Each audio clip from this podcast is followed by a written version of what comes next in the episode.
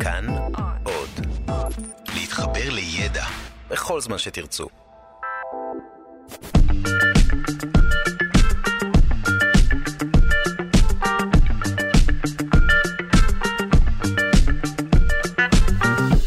שלושה שיודעים. אתם מאזינים ללקט של התוכנית שלושה שיודעים, והפעם ספיישל ציפורים.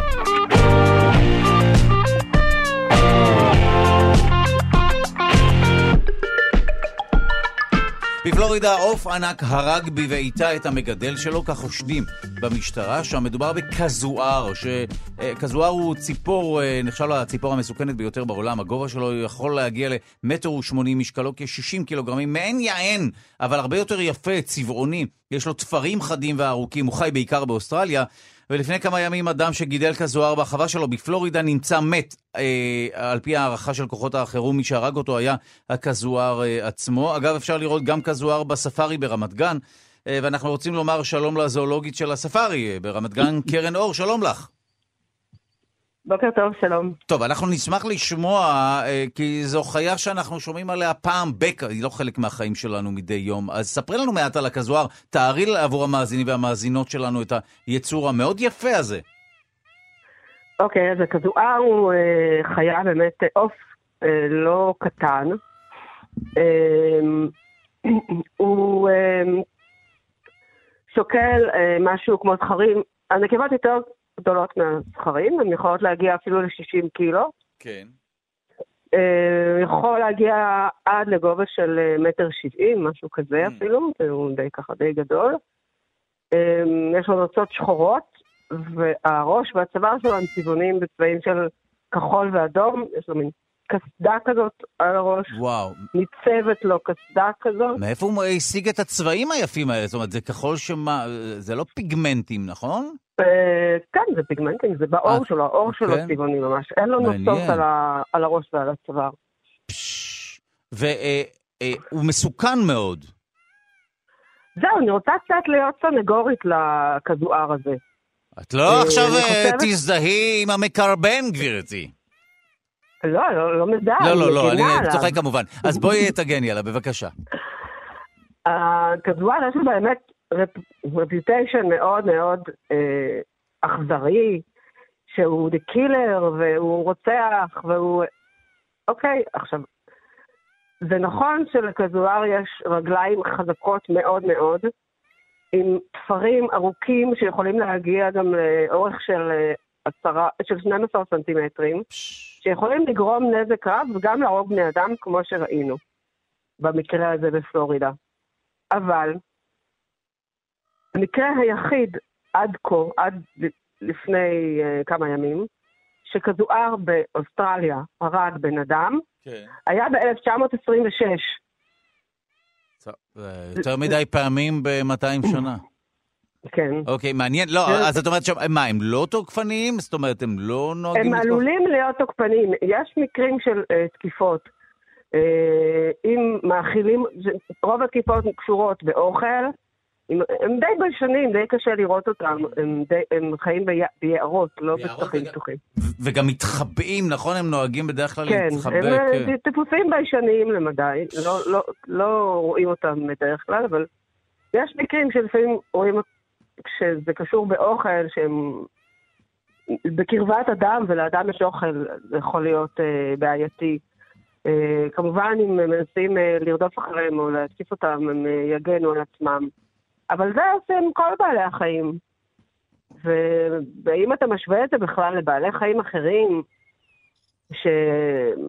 שבטבע, אה, כמה, אה, כמה אנשים הם הורגים בשנה, היפופוטמים 500, פילים 500, זאבים עשרה, כרישים גם עם רפיטיישן מאוד מאוד מפוקפק, שישה אנשים, זבובים, אלף, עשרות אלפי אנשים. טוב, אה, מן הסתם זה פשוט. בעל חיים, אה, אנחנו לא מצפים בדרך כלל מעופות, לא שאנחנו מתייחסים אליהם כמו שצריך, אבל אה, עוף שהורג אדם, זה נשמע לנו משהו כן. מוזר מאוד באמת. בניגוד נכון. לכריש וכולי.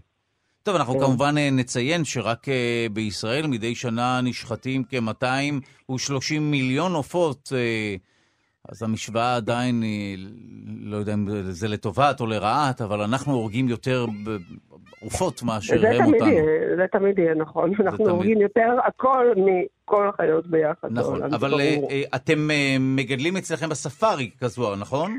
יש לנו, כן, יש לנו שני זכרים של כזוהר. שמה, הם נולדו שם? הייתה שם הטלה? כן, למעשה שני הזכרים שלנו נולדו אצלנו. כן. אחד הלך לגן חיות אחר וחזר, לא מזמן, אבל, אבל שניהם הם ילידי הספארי. אמ, מה הם אוכלים? הם אוכלים פירות. הכדור אכל פירות שמן הסתם הוא עוף ענק, אין לו יכולת תעופה. אה, אז הוא אוכל מלקט פירות מהקרקעית של היער, משלים את זה עם קצת קצת אה, חומר מן החי, אה, חרקים, חסרי כל מיני בעלי חוליות קטנטנים שהוא מוצא, אבל... אבל מה שהכי מעניין אצל הכזואר, כן. שלמרות כל ה... המוניטין הרצחני שלו, הכזואר, הזכר, מגדל את האפרוחים לגמרי לבד. מה זה אומר? הוא גם הנקבה- אה, דוגר על הביצים? הנקבה מטילה ביצים, בדרך כלל ארבע, וכן, כן. ומסתלקת. הזכר נשאר, דוגר על הביצים לבדו, ואחר כך מגדל את האפרוחים במשך וואו. תשעה חודשים. טוב, אה, אין בעולם אהבה כמו של אבא. הנה, אנחנו רואים שפה האבא הוא העניין. אני, כן, די, אני יפה. חושבת שהכדור הוא הרבה יותר מעניין, יש עליו דברים הרבה יותר מעניינים להגיד מה... את צודקת, אבל בדרך כלל הטריגר באמת לדבר על היצור הבאמת כן, מופלא הזה. מדברים על, כש- על הדברים הצהובים. נכון, אנחנו אה, אוהבים רכילות, אוהבים רייטינג, אוהבים צהוב. אבל, אבל אה, נכון, את צודקת שזה יצור מופלא, וזה באמת אה, סידור אה, מעניין שהנקבה מטילה ביצים ונעלמת, והזכר הוא זה שגם דוגר וגם דואג לגוזלים. כן, היא לא מטילה, היא מטילה כמה קינים, בעונה אחת היא יכולה להטיל בכמה קינים, וכל כן יש זכר אחר. אה, וואו, הפקרות בעולמם של הכזוארים. טוב, אנחנו מודים לך אה, על השיחה הזו, קרן אור הזואולוגית של הספארי ברמת גן. תודה לך. בבקשה, יום טוב.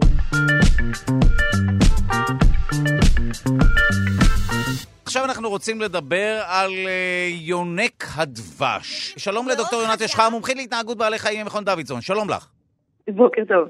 בפיך בשורות בקשר למקור השריקה שמפיק יונק הדבש בזמן החיזור. אה, כן, בהחלט, אז יונקי דבש גם משמיעים קולות בצורה רגילה מהמקור שלהם, אבל הם גם מסוגלים, אה, כמו שתום אמר, להפיק אה, קולות מהנוצות שלהם. במקרה הזה זה באמת נוצות הזונב, והם עושים את זה המין הזה שהוא יונק דבש עם ראש סגול כזה בצבע סגול מתכתי מאוד מאוד יפה, הזכרים נראים.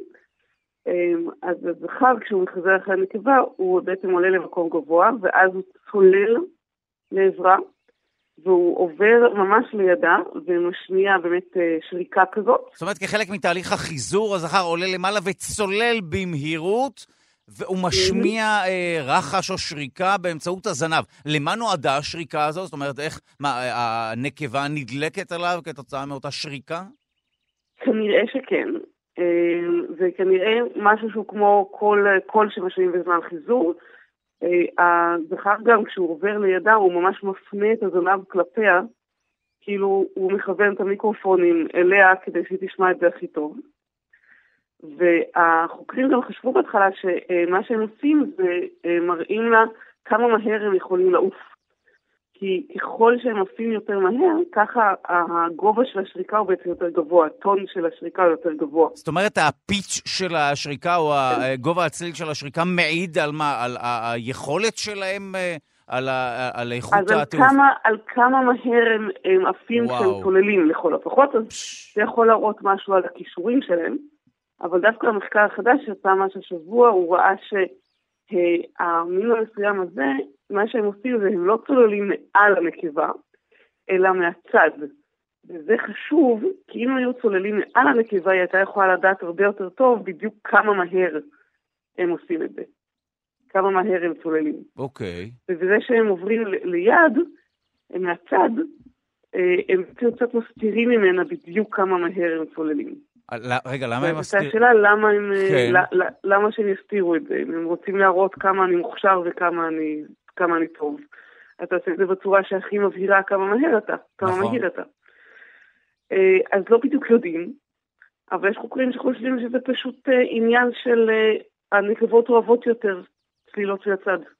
ככה זה יותר מוצא חן ביניהם. נקבות זה מעדיפות... מה- שרירותי לחלוטין. אה, כן? זו כמו ש- העדפה של הנקבות של יונק הדבש. כמו שאתה יודע, יש נשים שמעדיפות ורדים על פני חרציות, אז הן מעדיפות מהצד מאשר מלמעלה, וזה לא... יש דברים שאי אפשר להסביר, פשוט העדפה. אני אוהב עוגת. שוקולד. למה? ככה. בדיוק. כן. יש אנשים שאוהבים עוגות גזר והם מאוד מוזרים. אה, לא אין. אין אנשים כאלה. אבל אה, אה, האם זה נכון שבין היתר אה, אה, הם משתמשים גם באפקט דופלר, שאולי לא פעם הזכרנו אותו? אה, אז- עצם ההתקרבות משנה קצת את הצליל של השריקה הזו? אז זה בדיוק העניין שאם הם היו עושים את זה מלמעלה, אז האפקט דופלר היה מאוד מאוד חזק. והאפקט דופלר בעצם אומר שזה כמו שאתה שומע אופנוע מתקרב ואז מתרחק, ואתה שומע את הקול שלו, את הצליל, את הטון יורד ואז עולה כזה, וואו, כזה. נכון, אה, אז אה, רגע, נס-. נסביר את זה באמת אה, למאזינים ולצופים שלנו. אפקט דופלר, אם שמעתם את הביטוי הזה, הוא אותו אפקט שגורם לנו, במקום לשמוע צליל אחד, הרי כשאנחנו שומעים למשל אמבולנס, או יותר מדויק אופנוע, כי צריך שהצליל יהיה אחיד, שמתקרב אלינו, אז לא רק שאנחנו שומעים אותו חזק יותר, אלא הטון עצמו עולה, כאילו הוא מנגן רה ואז מי פה. זה עולה למעלה כתוצאה מהמעיכה של גלי הקול. וכולי, ו- וכן, זה, זה כן מעורב בתהליך כאן. רגע, יש לנו אפשרות לשמוע את השריקה, נכון? יש לנו כאן אה, קובץ. בואו נשמע. הנה, די.ג'יי מקלר מנגן את השריקה של אה, יונק הדבש. בואו נשמע. די. מה זה? זה מלפט לרייט, זה דולבי סראונד, זה, זה, זה לא ציפור, זה, זה אולם קולנוע. וואו, בואו נשמע את זה שוב. שמעת, שמעת, שמעתם? אוקיי, וואו, טוב, די מדהים. טוב, תודה רבה על הדברים האלה. דוקטור יונת ישחר, מומחית להתנהגות בעלי חיים ממכון דוידסון, תודה רבה. תודה רבה.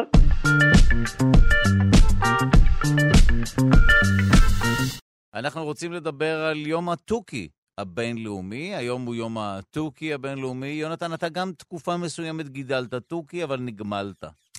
כן, הלכתי לחנות, קניתי תוכי, התברר. שהוא היה מת, חזרתי לחנות, טענתי שהתוכי מת, ואז אמרו לי שהוא רק נח. אתה יודע. כמו מונטי פייתון. כדי, בדיוק, זהו, כדי להבין אותך, אה, צריך כמובן לדעת כל מיני דברים בתחום התרבות וההומור.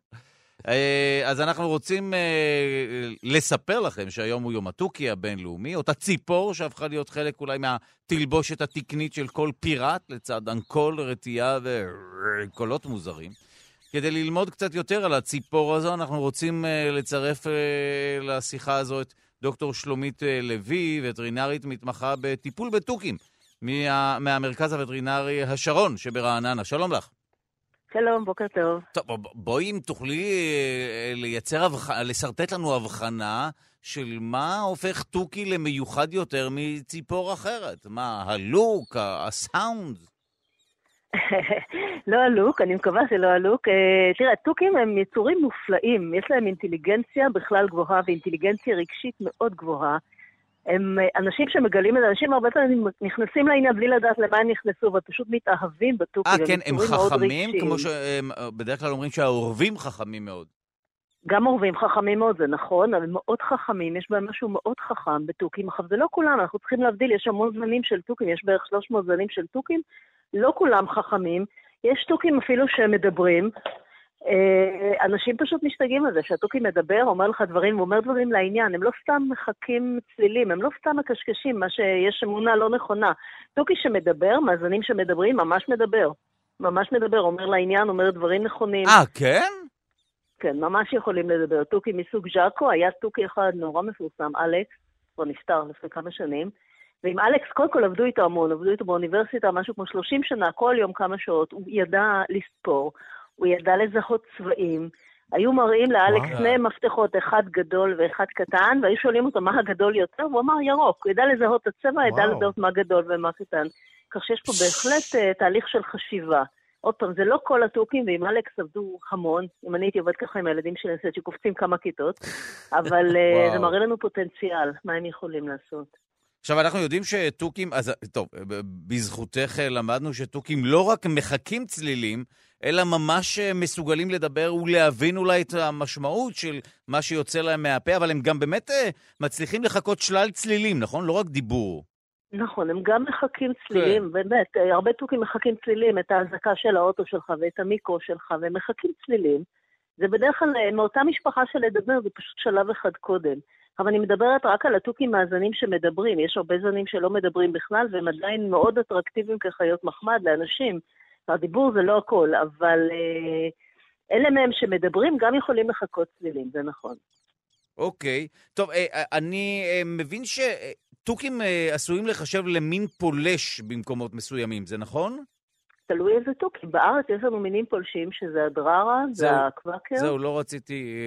עכשיו, כשפתחת אקורד, אז אפשר להגיד. הדררה בעצם, זה, זה תוכי שהשתלט על כל השמיים של ישראל. נכון, נכון מאוד. הוא תוכי ארס לגמרי, אבל הוא חמוד.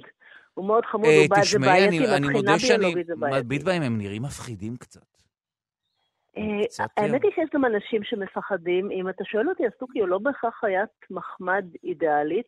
זה לא כלב שאתה מכניס הביתה והוא מעריץ אותך, מסתכל עליך במבט שאתה אלוהים בשבילו.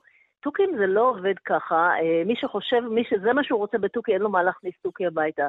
תוכי, במקרה הטוב הוא מקבל אותך כחבר בלהקה שלו, במקרה הפחות טוב הוא אתם באותה להקה, אבל הוא מעליך, ואני רואה הרבה מקרים כאלה. יש אנשים שמפחדים מהתוכי שלהם.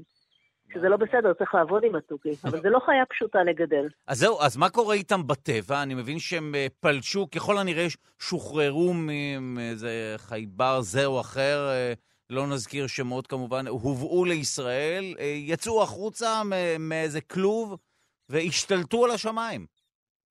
נכון, אני מדבר נכון. על הדררה.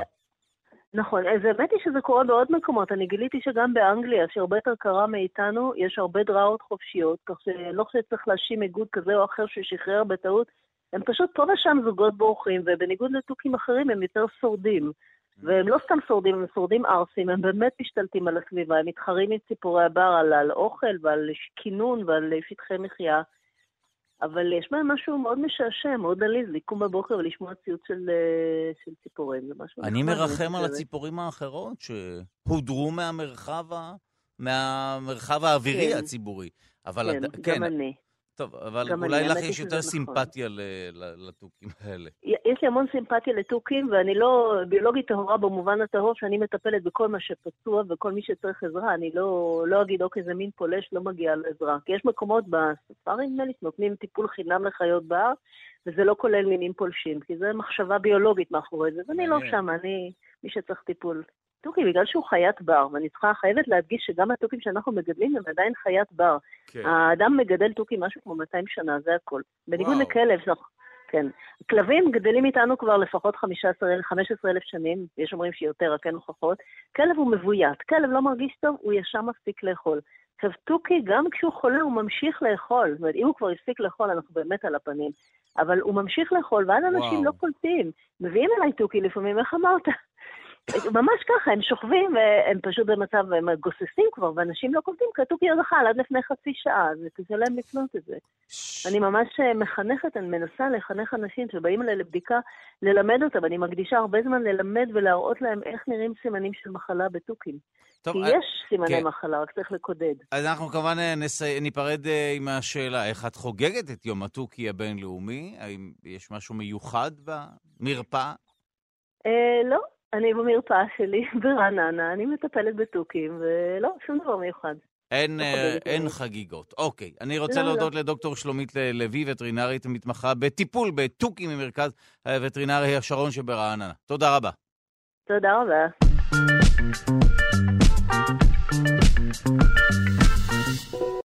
אנחנו רוצים לדבר על מערכת החיסון של הציפורים. מסתבר שמחקר חדש שביקש לבחון את תגובת המערכת החיסונית של ציפורים נודדות, גילה שמערכת החיסון שלהן מתאימה את עצמה באופן אוטומטי לאזורי המחיה השונים. אה, הרי הנדידה, מעצם היותה נדידה, היא החלפה של אזורים, שינוי של, של מרחבים גיאוגרפיים. המחקר שביצעו חוקרים מאוניברסיטת לונד בשוודיה פורסם בכתב העת המדעי Nature, Ecology and Evolution. שלום לביולוגית אה, ורד שפירא ממכון דוידסון. בוקר טוב. מה הטריק הגדול של הציפורים בכל מה שקשור למערכת החיסון? זאת אומרת, מערכת החיסון שלהם מכירה יותר גורמי מחלה? יפה. אז, אז זהו שלא, והטריק הוא כרגיל אבולוציה. מה, שאנחנו, מה שהמחקר הזה עשה, הוא לקח 1,300 ציפורים, והוא לקח ציפורים אה, אפריקאיות מקומיות, הוא לקח ציפורים אירופאיות מקומיות, והוא לקח ציפורים שנודדות מאירופה לאפריקה. הציפורים אה, מקננות, מתרבות באירופה ומבלות את הקיץ באפריקה, והוא רצה לבדוק מה קורה באמת במערכת החיסון של הציפורים האלה. כן. כי ההנחה הבסיסית היא שככל שאתה יותר קרוב לקו המשווה, אתה פוגש יותר גורמי מחלה, יותר פתוגנים במהלך החיים שלך. ולכן אתה צריך מערכת חיסון שהיא יותר מתוחכמת. אמ, אז בתור התחלה הם רצו לעשות איזשהו מיפוי, והם עשו מיפוי וראו שהציפורים, המקור שלהן, הנדידה המקורית היא מאפריקה, וגם הציפורים האירופאיות המקומיות שנשארות במשך כל השנה אה, באירופה, גם הן המקור שלהן הוא אפריקאי. עכשיו, אוקיי. את- כדי לבדוק כמה המערכת החיסון מתוחכמת, הם בדקו בעצם, הם לקחו קבוצה של גנים, שהגנים האלה מזוהים עם אמצעים לזיהוי פתוגנים. עכשיו, ככל שיש לך אה, מערכת גנים יותר מגוונת, אתה מסוגל לזהות יותר פתוגנים, ובעצם מערכת החיסון שלך יותר מגוונת, ובאמת הם ראו שציפורים אפריקאיות מקומיות שלא נודדות, יש להן אה, אה, מערכת חיסון הרבה יותר מגוונת מזאת של האירופאיות. וש, שנשארות שם כל השנה, ועד כאן זה הגיוני. כן. עכשיו, לגבי ציפורים שנודדות מאפריקה אה, לאירופה ובחזרה, אז אה, היית מצפה שתהיה להן גם מערכת חיסון מאוד מאוד מגוונת. אז זהו שלא. איך זה כי יכול להיות? לציפורים האירופאיות שנודדות לאפריקה, יש מערכת חיסון פשוטה יחסית כמו לציפורים האירופאיות. וכאן, אה, זה, זו, עד כאן התופעה, ומכאן הביולוגים, האקולוגים, מנסים לספר איזשהו סיפור שיסביר את הממצא הזה. אוקיי. והסיפור, והסיפור הוא כזה, ככל שיש לך מערכת חיסון יותר מגוונת, יותר מתוחכמת, זה טוב נגד פתוגנים, אבל זה גם מעמיס על מערכת החיסון שלך, ואז אתה נמצא בסיכון גבוה יותר, למשל למחלות אוטואימיוניות. אה, מעניין. זאת אומרת, את, טוב, זו טענה משמעותית, שחלק מהמחלות האוטואימוניות נובעות מה, מעומס מידע על נכון. המערכת הזו? וואו. נכון, וזה חיסרון אבולוציוני. אז, אז בעצם הדחק האבולוציוני יהיה לכיוון זה שמערכת החיסון תהיה פחות מתוחכמת. עכשיו, הדבר השני שהם אומרים, שבציפורים נודדות, הפתרון הוא אה, לקנן בעצם באירופה. אנחנו יודעים שהמקור של הציפורים האלה הוא אפריקאי, והפתרון הוא לנסוע, לנסוע, סליחה, לעוף בעצם בעונת הכינון לאירופה, למקומות שהם רחוקים מקו המשווה, למקומות שבהם העומס על מערכת החיסון הוא נמוך יותר, ולכן יש פחות התמודדות. אוקיי. אז שוב, זה, זה לא טריק וזה לא התאמה, זה לא שכשהם נמצאים באפריקה יש להם מערכת חיסונית טובה יותר, וכשהם נמצאים באירופה המערכת החיסון היא, היא פשוטה יותר, אלא זה בעצם איזשהו פתרון אבולוציוני כדי לאפשר לצעירים, או לתקו- לפרטים שהם נמצאים בתקופות פגיעות יותר, כמו בתקופת הכינון, להיות באזורים עם לחץ אבולוציוני חלש יותר על מערכת החיסון, וכשהם מתחזקים קצת, הם מגיעים לאפריקה, למקום שהוא עם לחץ חזק יותר, אבל זה בעצם כבר מספיק להם, כי מערכת החיסון היא יותר מפותחת. טוב, אז זה משהו הרבה יותר מתוחכם מאשר סתם עוד העמסת, עומס מידע על מערכת החיסון. נכון, וואו, מרשים, לא? כולה לגמרי. ציפור! ציפור! במערכת- אבולוציה. כן, אבל טוב, זהו, טוב, זה תמיד הג'וקר שאתם שולפים. אבולוציה, מה שקרה במשך מיליוני שנים, זה העניין. אנחנו אתה גם לא מוזמן הכי טובים. להתערב, אגב, דוקטור. אגב, אנחנו גם לא הכי טובים, ציפורים יש להם יתרונות בהמון דברים, למשל המערכת הנשימה. שלהם. כן, מערכת הן הנשימה... יודעות לעוף, זה חשוב מאוד. נכון, וגם מערכת הנשימה שלהם הרבה יותר, היא יותר חכמה משלנו. למה? מעניין. אצלנו אתה שואף ונושף דרך אותה צנרת, ואצלם זה מופרד, שזה הרבה יותר הגיוני. מה זאת אומרת? יש לך ש- שני צינורות, אחד למה שנכנס, אחד למה שיוצא. מבחינת אוויר? יותר, כן, הרבה יותר די. הגיוני, לא? דו-סטרי במקום חד-סטרי. כשאתה צריך לעוף, אתה צריך שמערכת הנשימה שלך תהיה הרבה יותר יעילה. פשוט אוויר נכנס כן. כמו צינור כזה? נכנס פנימה ויוצא? גם אצלך הוא נכנס כמו צינור. כן, אבל הוא יוצא מאותו מקום. נכון, אז- לא. וואו.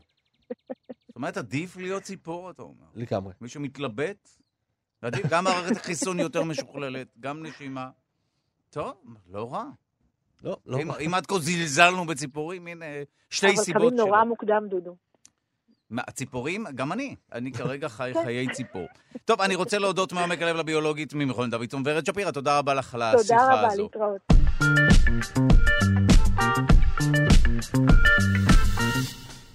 טונים צורמים באיי גלפגוס, מין פולש של זבובים, גרם לשינוי במקור ובנחיריים של ציפורים שחיות באי, שינה את שירת הזכרים, שנעשתה פחות ערבה לאוזני הנקבות, והציפורים לא מעוניינות להזדווג. אנחנו רוצים לומר שלום לצפר בחברה להגנת הטבע, יונתן מירב, שלום! שלום, בוקר טוב.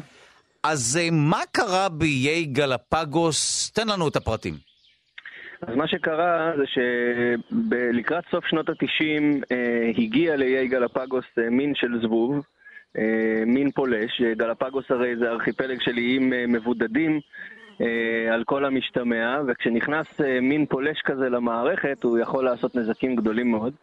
אה, הזבוב הזה, מה שהוא עושה, הוא מטיל ביצים אה, בקינים של אה, אה, בין 14 ל-20 מיני ציפורים, זה עוד לא סגור, אבל מספר גדול של מיני ציפורים, ומהביצים בוקעות רימות, והרימות האלה בעצם ניזונות אה, מידם של הגוזלים של הציפורים האלה, אה, וכשהגוזלים רכים, אה, תרתי משמע רכים, גם רקמות רכות, אז הם, אה, אותן רימות בעצם ניזונות מדם שנמצא באזור הנחיריים והמקור של הציפורים. טוב, אז מיותר לציין שהריבות האלה הן טפיל, טפיליות או טפילות או מה שלא יהיה, נכון? מדובר בטפיל, כן. כן, כן, הן אה, ניזונות מדם אה, בעצם של אותם גוזלים. אה, עכשיו, הסיפור הזה הוא לא חדש, זה כבר, אה, הנזק הזה שנעשה לנחיריים ולמקור שמשפיע על אה, שירת הציפורים זה איזשהו גילוי אה, חדש יחסית. אבל מדובר בבעיה מאוד גדולה שהורגת גם הרבה מאוד ציפורים. יש. מינים ש- שנפגעו ממש, פשוט הגוזלים פשוט מתו, מעבר לפגיעה ברקמות עצמן. אה, ויש מינים מסוימים של אותם פרושים נדירים שנמצאים בגלפגוס שממש אה, חטפו מזה מכה אה, אנושה. אז שאלה הציפורים הפרושים הללו, אבל אני מבין שאלה שמתו כמובן, זה כבר לא רלוונטי, אבל אלה שעוותה אצלם מערכת השירה, נכון? זה מה שגרם נכון. בין היתר הזבוב הטפילי הזה. נכון, הר- הרימות, הרימות האלה בעצם מה שהן עושות, הן ניזונות מחלקים, מ- מכלי דם שנמצאים באזור המקור והנחיריים, ובעצם גורמים לנחיריים להיות אה, גדולים יותר, רחבים יותר, ופוגעות בצורת המקור, ובעצם אה, משפיעות על השירה של הציפורים. והנקבות מזהות מיד שיש בעיה עם השירה של הזכרים, וכמו שאתה אומר, אומרות וואלה, לא, לא נראה לי שאני אזרום עם הזכר הזה בגלל שהוא שר לא. טוב. אה, אומנם קראתי את הדברים, אבל עדיין זה. מפתיע אותי שכך זה עובד בטבע, שאפשר לפסול זכר אה, על שירתו, על זיופיו, מרגיש פה בוודאי, מה, עוול. ציפורי שיר, ציפ... לא, למה מה? ציפורי שיר אה, זה בעצם המקדם האבולוציוני הכי חשוב. אם אני שר טוב ושר חזק, נכון, ו-. ויש לי רפרטואר שירה טוב, אז אה, אני כובש את הנקבות. וכרגע. זיופים רמים אה, שהובילו לסירוב של נקבות להזדווג, ובעיה, נכון. נוצרה בעיה. נכון, זו בעיה, וצריך לציין שדווקא יש ארגוני שמירת טבע בגלפגוס שמתעסקים עם הסיפור הזה כבר משנת 2012. אה, מה שעושים בשביל להתמודד עם הבעיה זה בעצם לספק חתיכות של כותנה וצמר גפן, חומר כינון שהציפורים השתמשו בהם, ובתוכו שמים בעצם אה, חומרים אה, להדברת הזבוב, וזה עובד וואו. בצורה מסוימת. הציפורים אוספות את אותו צמר ש... בעצם ספוג בחומר הדברה, מדהים. משתמשות בו, וזה זה דווקא עובד במקרים מסוימים, י- אבל במקרים אחרים הנזק גדול. אנחנו שמענו על עוד מקרים כאלה של למשל זיהום רעש שפוגע בהזדווגות של ציפורים, זיהום של בני אדם, במקרה הזה זה לא אנחנו אשמים, אבל כן יש הפרעה שלנו גם בתחום ההזדווגות, נכון? של בעלי חיים. לפעמים בזיהום הו, אור, אה, באלף כמובן, או כן, רעש. הפרעה שלנו, הפרעה שלנו בהמון המון אלמנטים. כן. אנחנו בעצם מאלצים ציפורים למה שנקרא אבולוציה מזורזת. זה אומר שאם הן לא מתאימות את עצמן מהר מספיק, הן פשוט ייעלמו מהמערכת. והתהליכים שהאנושות בעצם מערימה על uh, כלל בעלי החיים, uh, בעצם מחייב אותם להתאים את עצמם, להסתגל מהר הרבה יותר מרמה אבולוציונית רגילה. Uh, ובגלל זה קצב הכחדת המינים הוא גדול לאין ארוך מקצב גילוי של מינים חדשים למשל. וואו. אה, אז כן, זה מקדמי לחץ אה, לא מבוטלים. אז הנה במקרה הזה, ככל הנראה בני האדם לא אשמים, אבל מין פולש של זבובים, אנחנו חוזרים על הכותרת, גרם לעיוות, גם לתמותה, אבל גם לעיוות במקור, בנחיריים של הציפורים הפרושיים, נכון? כך הם נקראים, אה, הן נקראות נכון. הציפורים הללו? אה, נכון. השירה של הזכרים נפגעה, והנקבות לא רוצות להזדווג עם הזכרים האלה, שהם מזייפים, אה, לא מקובל. בדיוק, וזה אם הם כמובן מזייפים לגיטימי. בשירה, אם מזייפים בשירה, אולי הם גם יזייפו בדברים אחרים. שמע, אה, זה נשמע משעשע, אבל אה, זה- זו באמת יכולה להיות בעיה. אה, זה לא משעשע בכלל. אז- מדובר אז אני מתקן, אז זה לא- אז זה לא נשמע משעשע, אבל זו בעיה. וזה גם אוקיי. כן אשמת האנושות. אוקיי, אה, זה כן. כן, תיארתי לעצמי שאנחנו גם קשורים לזבוב הטפילי הזה, ודאי, הכל קשור להכל. תודה רבה לך, הצפר בחברה להגנת הטבע, יונתן מירב. תודה לך. בשמחה, יום טוב.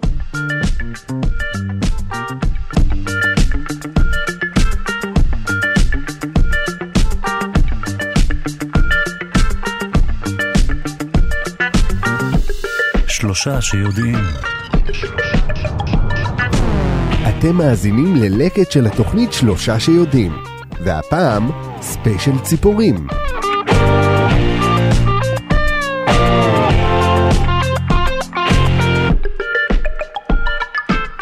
אלפי זרזירים הגיעו לישראל לאזור הנגב, שם הם מבצעים תמרונים מדהימים. הציפורים הגיעו לישראל מאירופה וישהו כאן כמה חודשים, כשמה שמאפיין את הזרזירים זה התמרונים המדהימים של עשרות האלפים מהם, כשהם מתואמים ביניהם.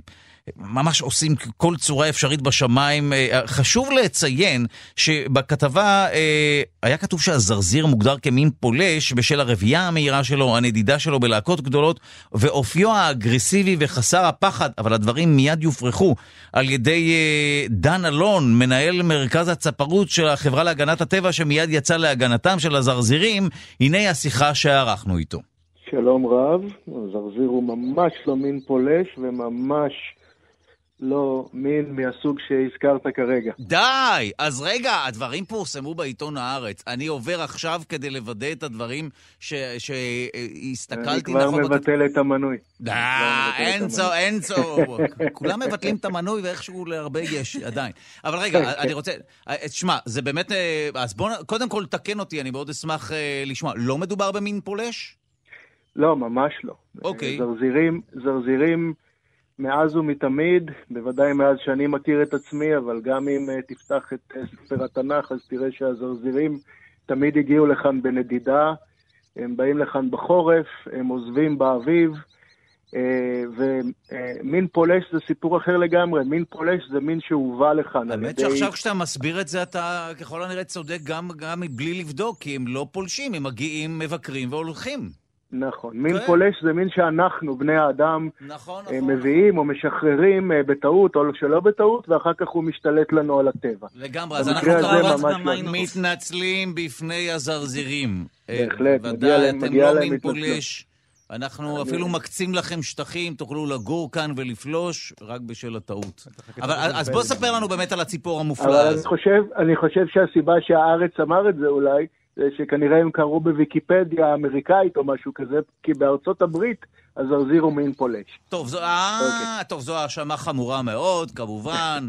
אנחנו מכבדים אה, את כל מי שכותב את הכתבות האלה. הוא לא מין פולש בישראל, קיבלנו את לא, התיקון ממש. כמובן.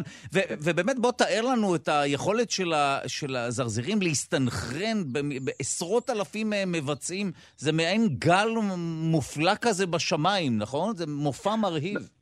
נכון, יש, יש אה, אה, לא מעט מיני ציפורים שיודעים לעשות את זה, הרבה מהם שייכים למשפחות של הזרזירים.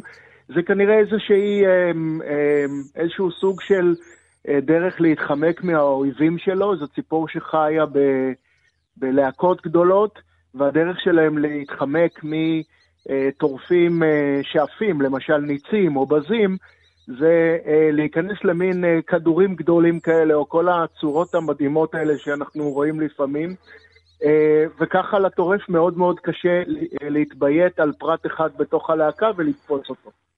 וזה מה, ש... מה שמייצר את הדבר הזה. איך הם עושים את זה?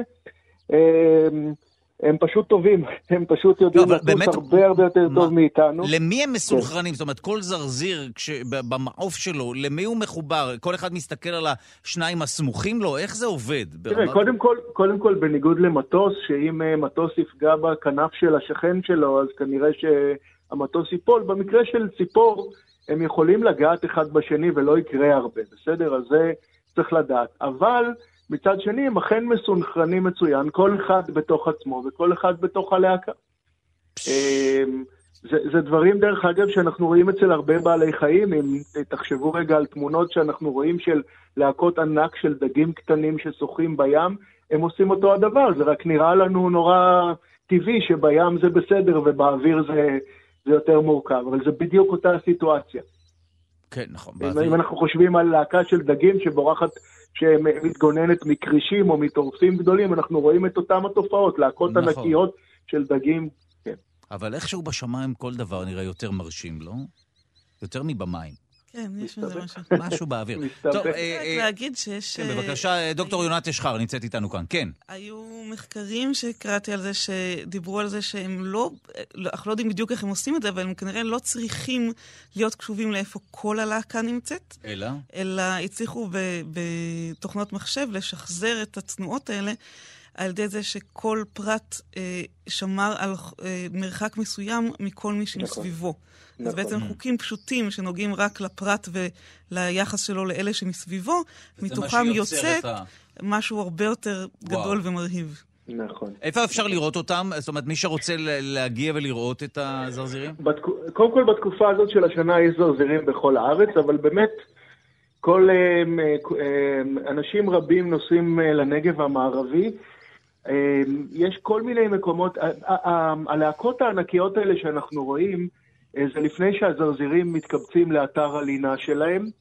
Um, ואני לא יכול להגיד לכם כרגע מקום uh, ספציפי, כי משנים את המקום, uh, אבל מי שייסע לאזור אופקים, ופשוט אה, אפילו לא, לא צריך אה, להיכנס לבוץ ולא צריך ללכת ולחפש אותם בנחלים וכל מיני מקומות אה, מוזרים, פשוט לעמוד על, ה, על הדרך ולחפש את הלהקות של הזרזירים, אה, אפשר לראות אותם, הם אוכלים במשך היום במזבלות שליד, ליד, אה, אה, לא רחוק מאופקים, ובאזור הזה, מי, ש, מי שיהיה שם בשעות אחר הצהריים, נאמר משלוש, שתיים וחצי אפילו, עד החשיכה, ויפתח, אה, יסתכל לשמיים, או יסתכל, אה, יסרוק קצת את השמיים, יוכל למצוא אותם. אנחנו מודים לך על השיחה הזו.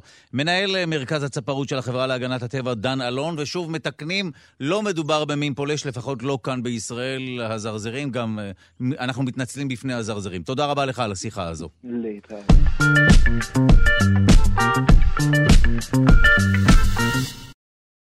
טסים נמוך, חוסכים באנרגיה.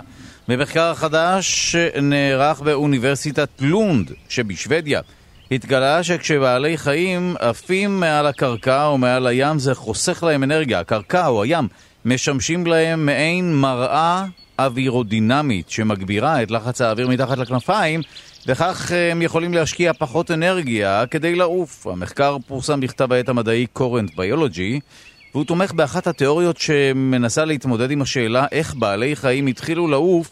שלום לדוקטור רועי דור, חוקר אבולוציה של ציפורים מבית הספר לזואולוגיה ומוזיאון הטבע על שם שטיינהרד באוניברסיטת תל אביב. שלום לך. שלום, שלום. טוב, אז מה למעשה החוקרים שם גילו, ואיך זה מסביר אה, את, ה... את תחילת התעופה של בעלי החיים? אז כמו שאתה יודע, תעופה זה באמת אה, אחת מהפעילויות שדורשות הכי הרבה אנרגיה. ומה שהם גילו החוקרים זה שהם הסתכלו על עטלף שעף מעל אה, איזשהו משטח ישר של מים, והם גילו שבעצם הכמות, כמות האנרגיה שדרושה לו בשביל התעופה הזאת, שהוא מנפנף בכנפיים מעל המשטח הזה, היא הרבה הרבה יותר נמוכה ממה שחשבו בעבר המודלים שחזו את זה, וכשהם עשו את החישובים הם גילו שזה בערך פי שניים אה, יותר, אה, פחות אה, דורש אנרגיה ממה שחשבו החוקרים, ובעצם זה חוסך בערך 30% מהאנרגיה אה, של תעופה, כאשר אנחנו מדברים על בהשוואה לתעופה גבוה מעל הקרקע. למה זה מצריך פחות אנרגיה? כי ברגע שקרובים לקרקע, אז uh, יש כוח עילוי יותר גבוה, בעצם המערבולות שנוצרות בזמן תעופה הן הרבה יותר נמוכות, והאוויר, הזרימה uh, של האוויר על הכנף היא הרבה יותר uh, ישרה, ולכן יש פחות התנגדות, פחות כוח גרר, ובעצם הכנף יכולה לעלות מהר יותר כלפי מעלה. וואו, רגע. אין- כן. לא, זה, זה מאוד מעניין הדבר הזה. זה באמת אה, קשור לתחילת התעופה של בעלי החיים, הדבר, התכונה הזו? או... כי אני מבין שבעלי חיים מנצלים את, ה, נכון. את האפקט הזה.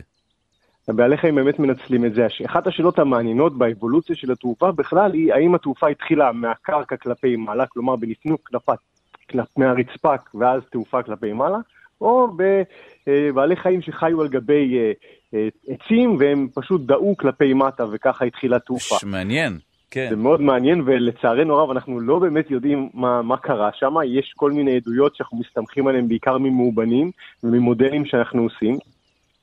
ומה שמראות התוצאות האלה, שבאמת אה, לתיאוריה הזאת של מה שאנחנו קוראים מלמטה למעלה, ground up, התסריט הזה של האבולוציה של התעופה, יש פה יתרון כי בעצם אה, יש הרבה פחות אנרגיה שדרושה בנפנוף כנפיים כאשר אנחנו קרובים לקרקע, ואז זה יכול לתת את כוח העילוי שדרוש בשביל אה, להמריא כלפי מעלה. אגב, שאלה, האם כשמטוס טס אה, קרוב באמת לפני הקרקע או מעל ים, קל לו יותר לטוס? מעניין. נכון.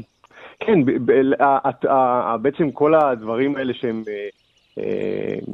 כל הכוחות שפועלים על, על ציפור או עטלף הם אותם כוחות שפועלים גם על מטוסים, ולכן יש גם בעיה בהמראה ונחיתה, כי במטוס שטס צמוד לקרקע, אז באמת יש לו הרבה פחות התנגדות, ויש כוח עילוי גבוה. אבל כאשר הוא, הוא ממריא למעלה, אז יש לו סכנה של הזדקרות, בגלל שפתאום כוח ההתנגדות, כוח הגרר והמערבולות שנוצרות מהכנפיים, הם פתאום אה, מאוד מתגברים בבת אחת, ויש לו סכנה שהוא פתאום יזדקר ו- ותהיה בעיה בנחיתה וואו. או בהמראה. טוב, ואם נחזור באמת לעניין בעלי החיים שמסוגלים לעוף, אז לא יודעים באמת איך כל זה התחיל.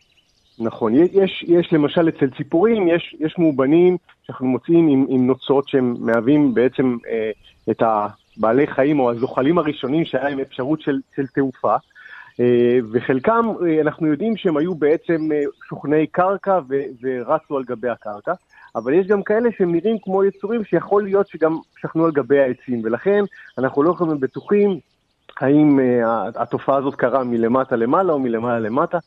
ואני מניח שהשאלה הזאת עוד תהיה פתוחה לפחות במשך כמה זמן, אם אי פעם נדע אותה. עכשיו, אם כבר אני מדבר עם חוקר אבולוציה של ציפורים, אה, תמיד עולה השאלה, האם יש קשר בין נוצות לבין תעופה, או שהדברים האלה התפתחו בלי קשר? אז כמובן שהיום כל- הציפורים שאנחנו מכירים יש להם נוצות, אבל uh, יש לנו עדויות ממאובנים של uh, זוחלים עם נוצות, שבעצם הנוצות האלה, או איברים דמויי נוצות של היום, היו קיימים כבר אצל דינוזאורים כתומים שהם uh, בעצם לא היו מעופפים והם שימשו לכל מיני דברים אחרים. אנחנו לא יכולים לדעת בוודאות למה הם שימשו, אבל מההיכרות שלנו עם הנוצות שיש לציפורים היום, הם ככל הנראה שימשו או לאיזה אה, שמירה על טמפרטורת גוף מסוימת, או קליטה של יותר אנרגיה של שמש, או אפילו לבחירת בן זוג, או משיכה של פרטים אחרים מאותו המין, צבעי הסוואה. אבל לא צבעי, בהכרח אה, לתעופה. בהחלט לא לתעופה, כן. אנחנו יודעים בוודאות שהם לא שימשו תעופה, כי הן נראות יותר כמו נוצות פלומה, או נוצות אה, שהן לא משמשות לתעופה אצל ציפורים שיש לנו היום. וואו. טוב, אנחנו... ואנו- כן, כן, בבקשה.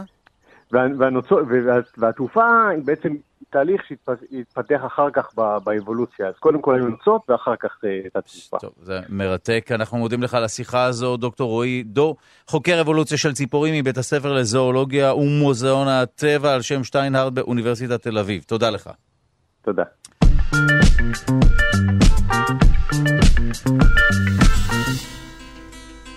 צוות חוקרים מבריטניה ומארצות הברית טוענים כי הם מסוגלים להשיב לחיים את ציפור הדודו שנכחדה לפני יותר מ-400 שנה, זו התחלה.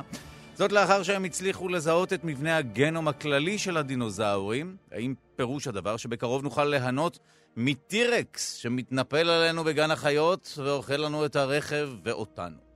מי שישיב על השאלה הזו הוא פרופסור עודד כנר, ראש החוג למדעי המעבדה הרפואית ומומחה לביולוגיה מהמכללה האקדמית הדסה. שלום לך. בוקר טוב. אז בוא ספר לנו מה חדש בתחום המתקרבים לפארק היורה באמת. טוב, אז נגיד את זה בצורה כזאת, שכרגע לפחות יש איזה שהן מגבלות מאוד מאוד משמעותיות בכל הנושא של אפשרות שיבוט כזו. מגבלות מה, אתיות או פיזיות? פיזיות, מעשיות. אוקיי. זאת אומרת, אה, אולי קל יותר לשבת דו-חיים או יונקים, כי הביצית שלהם ניתנת להוצאה אל מחוץ לגוף בעל החיים, ניתן אז לשאוב את החומר הגנטי, ואז להכניס את החומר הגנטי ש... של היצור שאותו רוצים לשבת. אוקיי. אבל בזוחלים ובעופות הבעיה היא מאוד מאוד מורכבת. הסיבה לכך היא שלמעשה התפתחות הביצית בתוך השחלה, ולאחר ההפריה העובר מתפתח בתוך הרחם של בעל החיים. נוצר אפוא מצב שאת כל הטיפול צריך לעשות בתוך הביצית עצמה, שהיא בתוך השחלה, וזה דבר שהוא מאוד מאוד קשה ומורכב. כי אי אפשר להתערב כבר בביצה עצמה או בביצית עצמה? הביצית נמצאת לקראת ביוץ בשחלה. זה השלב שצריך להתערב, כן. אלא שזה נמצא בתוך גוף בעל החיים, אם זה עוף, לדוגמה. ואז צריך במניפולציה מאוד מורכבת לנסות ולשאוב את החומר הגנטי. עכשיו, אם מסתכלים על ביצה של עוף, אז למעשה החומר הגנטי, הציטופלזמטי, עם המידע הגנטי נמצא, אפשר לראות את זה יפה מאוד, כנקודה לבנה על גוש החלמון. כלומר שבאופן פרופורציונלי הוא מאוד מאוד קטן ונסתר.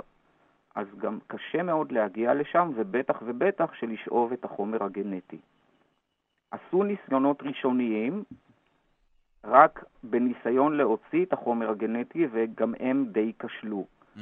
כך שהאפשרות להוציא חומר גנטי ולהכניס חומר גנטי של יצור שאותו רוצים לשבת, זה נראה כרגע לפחות בלתי אפשרי. והטענה של החוקרים במחקר החדש, אה, שטוענים שכן מתקרבים לסוג של אה, דחייה אה, של ציפור הדודו, איך הם מתכוונים לעשות את זה, אותם חוקרים?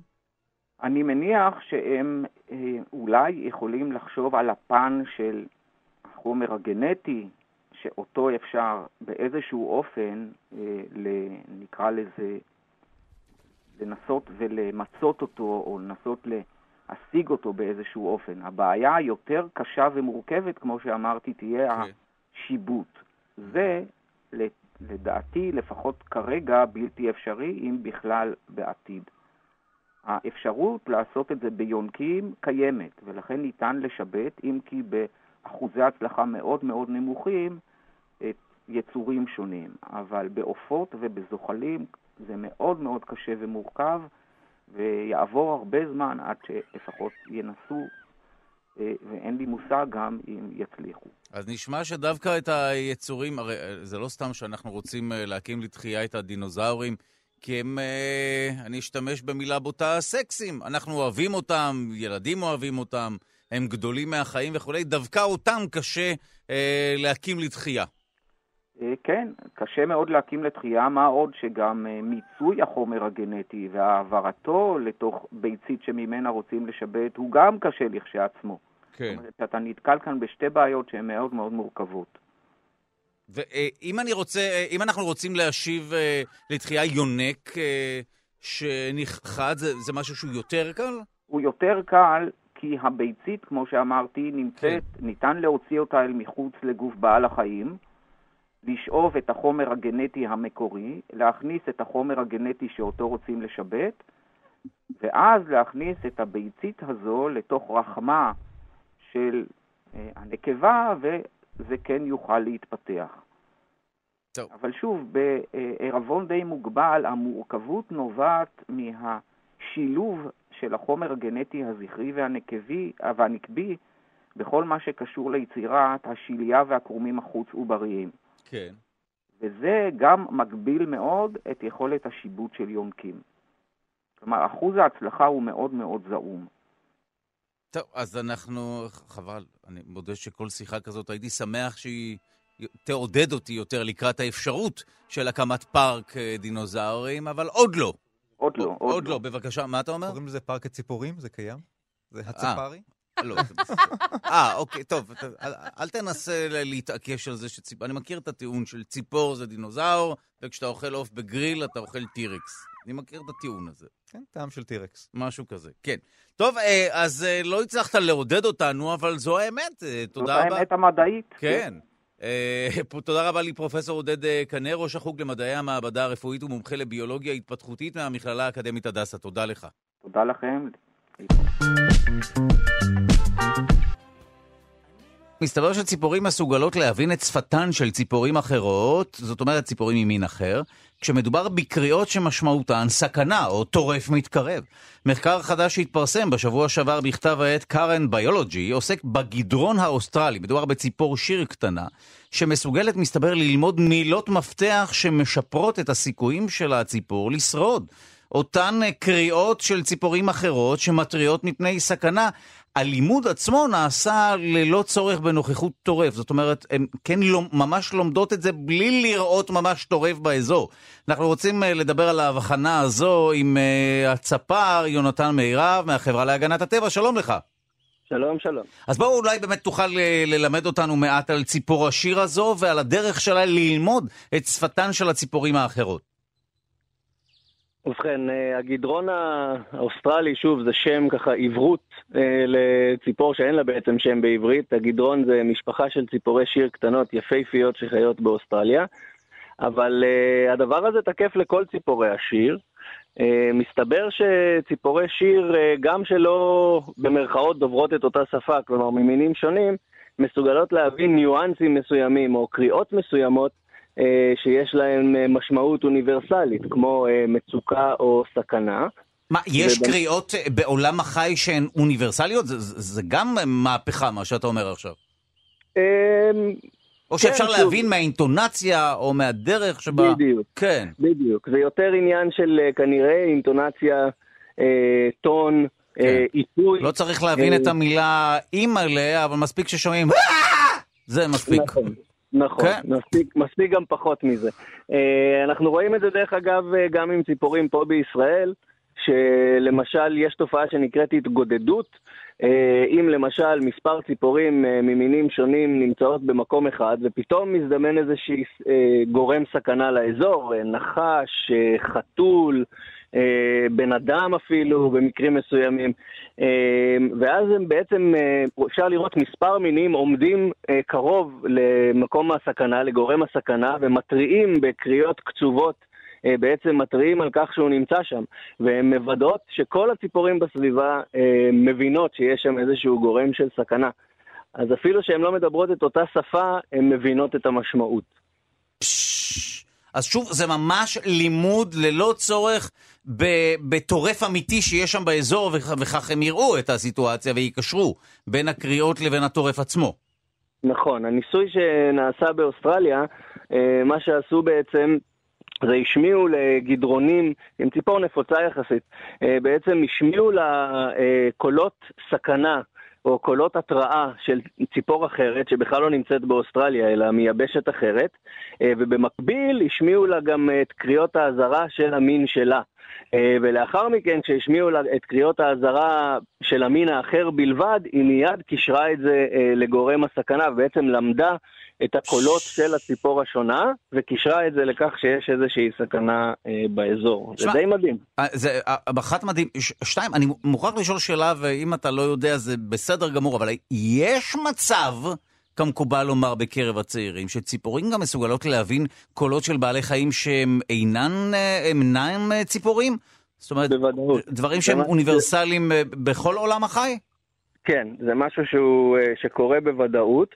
למשל, אני אתן לך דוגמה מקומית אצלנו, צבי ארץ ישראלי, הצבי אה, האהוב אה, שאנחנו מכירים, יש לו קריאת אזהרה אה, מאוד מאוד מיוחדת. זה בדרך כלל חיה שהיא שקטה יחסית, אבל אם היא- מזהה איזשהו גורם סכנה באזור, יש לה מעין... אה, אה, לא בדיוק יללה או קריאה אחת אה, חד-עברתית מאוד מאוד חדה, אה, שכשהיא משמיעה אותה, אז גם הציפורים שבאזור מבינות שיש איזשהו גורם סכנה. ככה שזה הולך כנראה מעבר לממלכת הציפור לציפור ציפור, אלא גם לסדרות נוספות של בעלי חיים. וואו, טוב, זה נשמע מרתק, וכנראה שיש עוד הרבה מה לחקור בכל מה שקשור בתקשורת בין בעלי חיים, והבנת שפה של מין אחד אה, את האחר. נכון. טוב, זה מרתק. תודה רבה לצפר יונתן מירב מהחברה להגנת הטבע, תודה לך. בשמחה, יום טוב.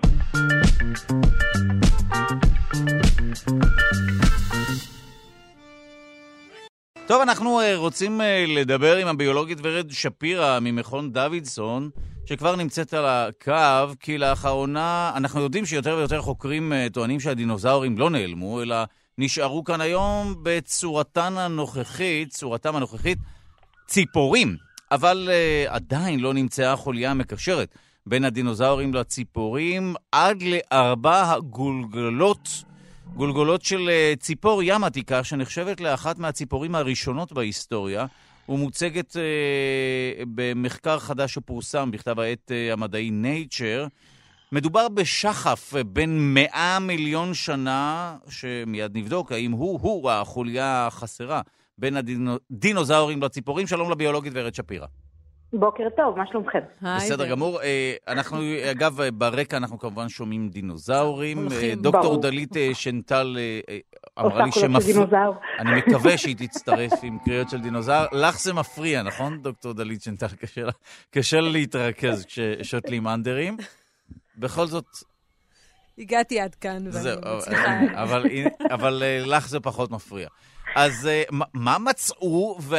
קודם כל בואי נתחיל מה, מהשאלה האולי ראשונית יותר, האם באמת העופות, ציפורים וכולי של, שאנחנו מכירים לגמרי. היום... לגמרי. כן? כן, כן.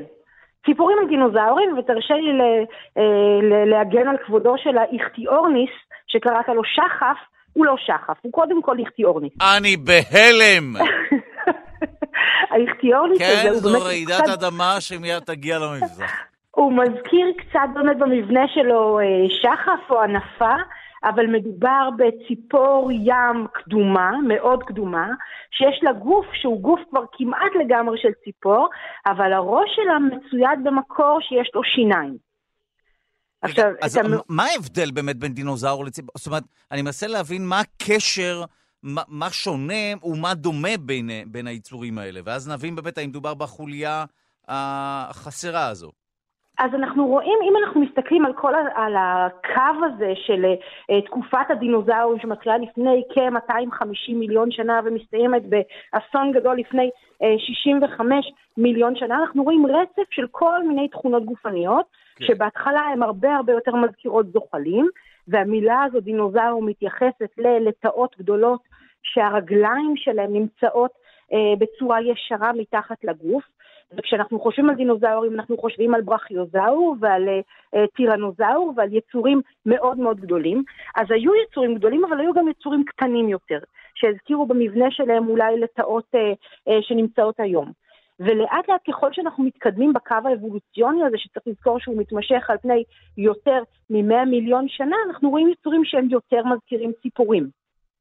אוקיי. Okay. והיצורים המאוחרים יותר, באמת במבנה שלהם, האיכטיורניס הזה, הוא, הוא, יש לו כבר מבנה של ציפור, הוא לטאה, ספק לטאה, ספק ציפור מעופפת, אבל החלק הקדמי של הגוף שלו, החותם שלו, הוא עדיין חותם של דינוזאור. כלומר, יש לו עדיין את הפה המאורך הזה, שמצויד בהרבה מאוד שיניים, והוא נראה גם קצת כמו מה שמגיע לפניו, שהוא בהחלט באופן מובהק דינוזאור, אבל גם מה שמגיע אחר כך, שהוא באופן מובהק ציפור. אז עכשיו, זה, זה באמת נשמע כמו סוג של חוליה מקשרת. אז זהו, המאובן הראשון של האיכטיורניס נמצא ב-1870, שזה okay. לפני הרבה מאוד שנים, והמאובן שלם, כמעט שלם שלו, ומה שהיה חסר זה החלק העליון של הלסת. כלומר, לא ידעו איך הדבר הזה, שהוא ספק חותם, ספק מקור, מתחבר אל הגוף. עכשיו, צ'ארלס דרווין, עשר שנים אחרי שמצאו אותו, אומר על המאובן הזה, שזה בעצם, ה... זאת החוליה החסרה, הוא אומר שזאת העדות הכי טובה שהוא ראה עד היום באמת לקיומה של אבולוציה, אבל לא ידעו להגיד איך זה בדיוק מתחבר. עכשיו, מוצאים הרבה מאוד פרטים של אה, ציפורים קדומות, אבל רובן נמצאות באזור של סין, ששם המאובנים הם מאובנים שטוחים, בגלל תנאים גיאולוגיים שלא עוטפים את החיה המתה, אלא אה, לוחצים אותה ומועכים אותה, אז המאובנים האלה הם בעצם כמו איזשהו, כאילו מעכו לך ציפור על איזושהי פלטה ואתה מקבל בעצם את, ה, את ההדפס שלה. או שאולי אבל... באמת בעבר היצורים היו דו-מימדיים. כולם היו שטוחים. כן? הנה הוכחה לכך שכדור כנראה הארץ... שלא. אבל ב-2014 מצאו מאובן נוסף של האיכטיונוס דווקא בארצות הברית בקנזס, ומה שהם ראו זה שהוא באמת הוא תלת-מימדי. אז במקום לחפור אותו החוצה ולנסות להרכיב אותו, הם לקחו את כל גוש האבן הזה והכניסו אותו ל-CT. אוקיי. וכש, וכ, ואז הם לא היו צריכים להרכיב אותו פיזית, אלא הם קיבלו תמונה תלת-מימדית של המאובן כמו שהוא התאבן בתוך הסלע. ולהפתעתם הגדולה הם גילו את שתי העצמות החסרות שהיו חסרות במאובן מ-1870. ושם הם רואים שני דברים מאוד מעניינים. אחד זה שבאמת יש uh, קרטין, יש חלבון קשיח כמו של מקור בקצה של החוטם הזה של הציפור הקדומה.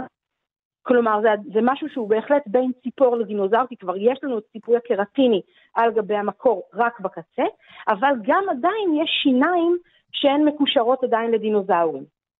והדבר הנוסף שהם מצאו זה בעצם שהיה חיבור של שרירים מאוד מסיביים אל הלסת העליונה, כמו שיש לטירקס או לדינוזאורים קדומים אחרים, ואין היום לציפורים את החיבור הזה, כך שהציפור הזאת בעצם מכילה את שני המאפיינים, גם של דינוזאורים וגם של ציפורים בו זמנית. אני מנסה להבין, היום אין ציפורים שיש להן שיניים? אין דבר כזה?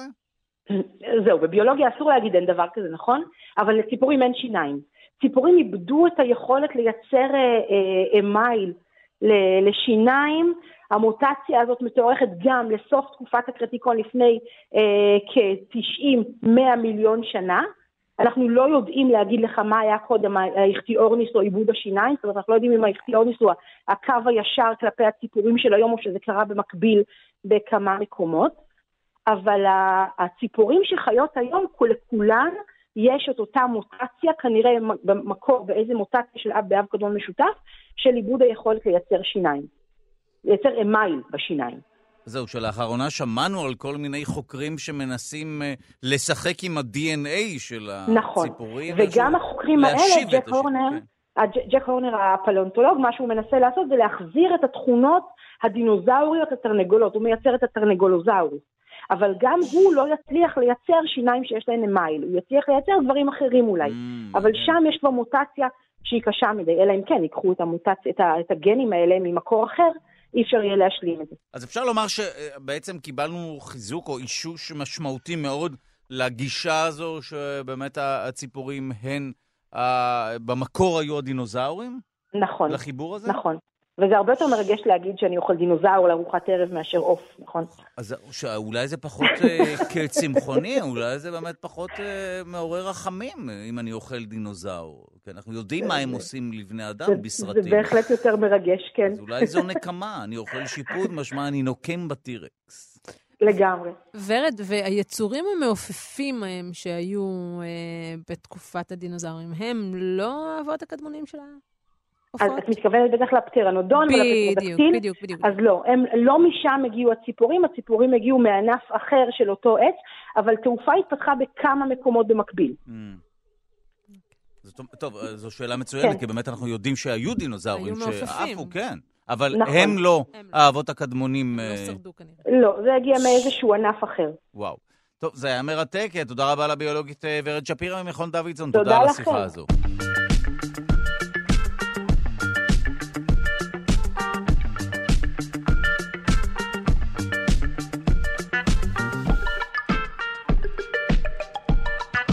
תודה רבה לכל מי שעמל על המשדר, העורך שלנו רז חסון, עורכת המשנה היא אלכסנדרה לויקר. לביצוע הטכני די.ג'י אלון מקלר, תודה רבה לשלומי בן עטיה וליגאל שפירא שמלווה אותנו. אתם מוזמנים להאזין לנו בין היתר באמצעות יישומונים רבים, כאן אודי, וגם אפשר לשמוע אותנו בספוטיפיי.